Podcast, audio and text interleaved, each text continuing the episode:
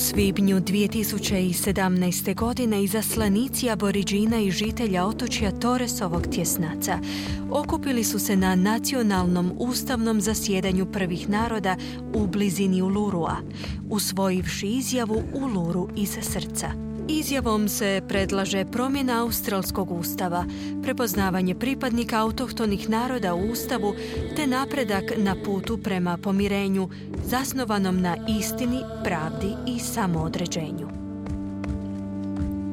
Mi okupljeni na nacionalnom ustavnom zasjedanju za 2017. godinu, dolazeći sa svih točaka južne polutke, iz srca dajemo ovu izjavu. Naša su plemena aboriđina i žitelja otočja Toresovog tjesnaca pripadala prvim suverenim narodima australskog kontinenta i susjednih otoka i bili su u posjedu ove zemlje temeljem vlastitih zakona i običaja. Temeljem računice koja proizlazi iz naše kulture, naši preci su to činili od samog postanka. Temeljem običajnog prava od pamti vijeka, a temeljem znanosti više od 60 tisuća godina. Ovaj suverenitet je duhovni pojam, veza predaka između zemlje ili majke prirode i autohtonih naroda, koji su iz nje potekli, ostaju vezani za nju i jednoga dana tamo se moraju vratiti kako bi bili ujedinjeni s precima. Ova poveznica je osnova vlasništva nad zemljom ili bolje rečeno nad našim suverenitetom koji nikada nije ustupljen ili prigušen te koji koegzistira sa suverenitetom monarhije. Kako bi moglo biti drugačije? Kako je moguće da su ljudi 60 tisućljeća posjedovali zemlju i da je ova sveta poveznica nestala iz svjetske povijesti u samo posljednjih 200 godina?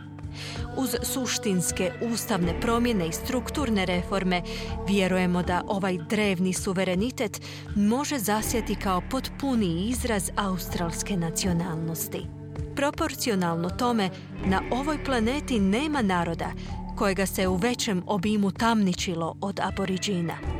Nama kriminal nije urođen.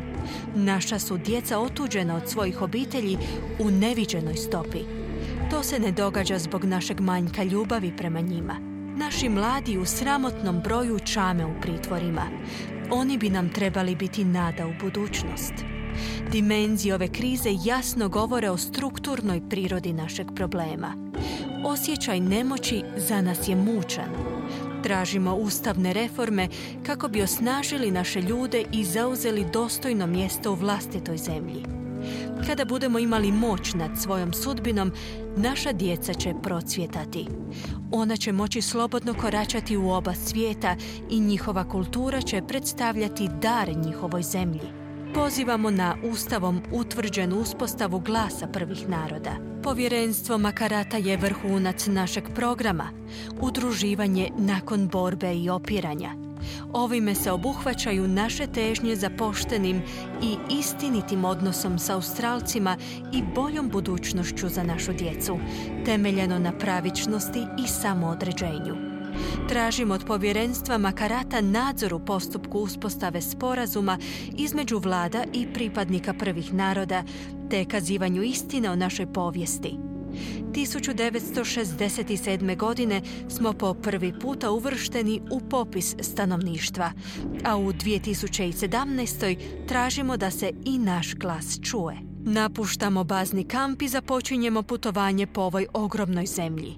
Pozivamo vas da prošetate s nama u pokretu australskog naroda za bolju budućnost.